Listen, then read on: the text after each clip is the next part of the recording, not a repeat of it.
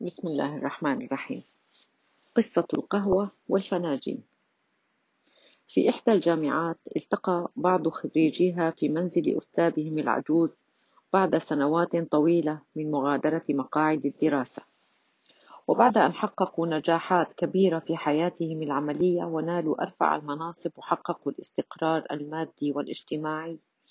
وبعد عبارات التحية والمجاملة طفق كل منهم يتأفف من ضغوط العمل والحياة التي تسبب لهم الكثير من التوتر. وغاب عنهم الأستاذ قليلا ثم عاد يحمل إبريقا كبيرا من القهوة ومعه أكواب من كل شكل ولون. أكواب صينية صينية فاخرة. أكواب من الميلامين. أكواب زجاج عادي. أكواب بلاستيكية. وأكواب كريستال. فبعض الأكواب كانت في منتهى الجمال تصميما ولونا وبالتالي كانت باهظة الثمن.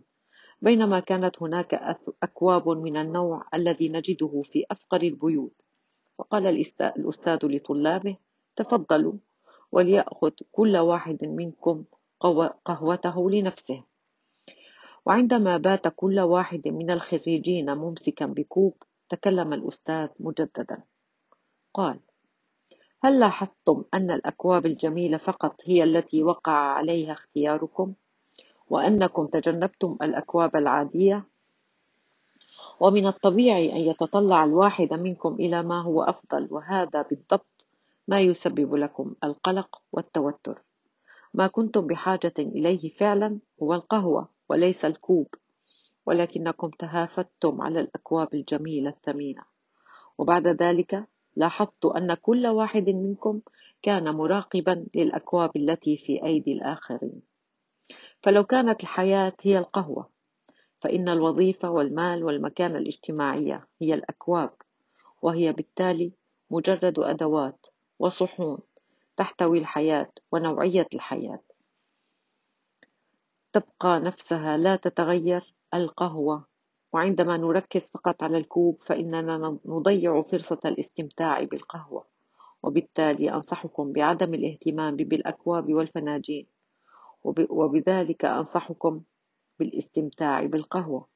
في الحقيقة إنها آفة يعاني منها الكثيرون. فهناك نوع من الناس لا يحمد الله على ما هو فيه مهما بلغ من نجاح لأنه يراقب دائما ما عند الآخرين. يتزوج بامرأة جميلة وذات خلق ولكنه يظل معتقدا أن غيره تزوج بنساء أفضل من زوجته. ينظر إلى البيت الذي يقطنه ويحدث نفسه أن غيره يسكن في بيت أفخم وأرقى وبدلا من الاستمتاع بحياته مع أهله وذويه يظل يفكر بما لدى غيره ويقول ليت لدي ما لديهم. فاعلم أنك إذا أصبحت آمنا في سربك معافى في بدنك عندك قوت يومك فكأنما حيزت لك الدنيا. عجبا للبشر ينفقون صحتهم في جمع المال فإذا جمعوه أنفقوه في استعادة الصحة. يفكرون في المستقبل بقلق وينسون الحاضر. فلا استمتعوا بالحاضر ولا عاشوا المستقبل. ينظرون إلى ما عند غيرهم ولا يلتفتون لما عندهم فلهم حصلوا على ما عند غيرهم ولا استمتعوا بما عندهم.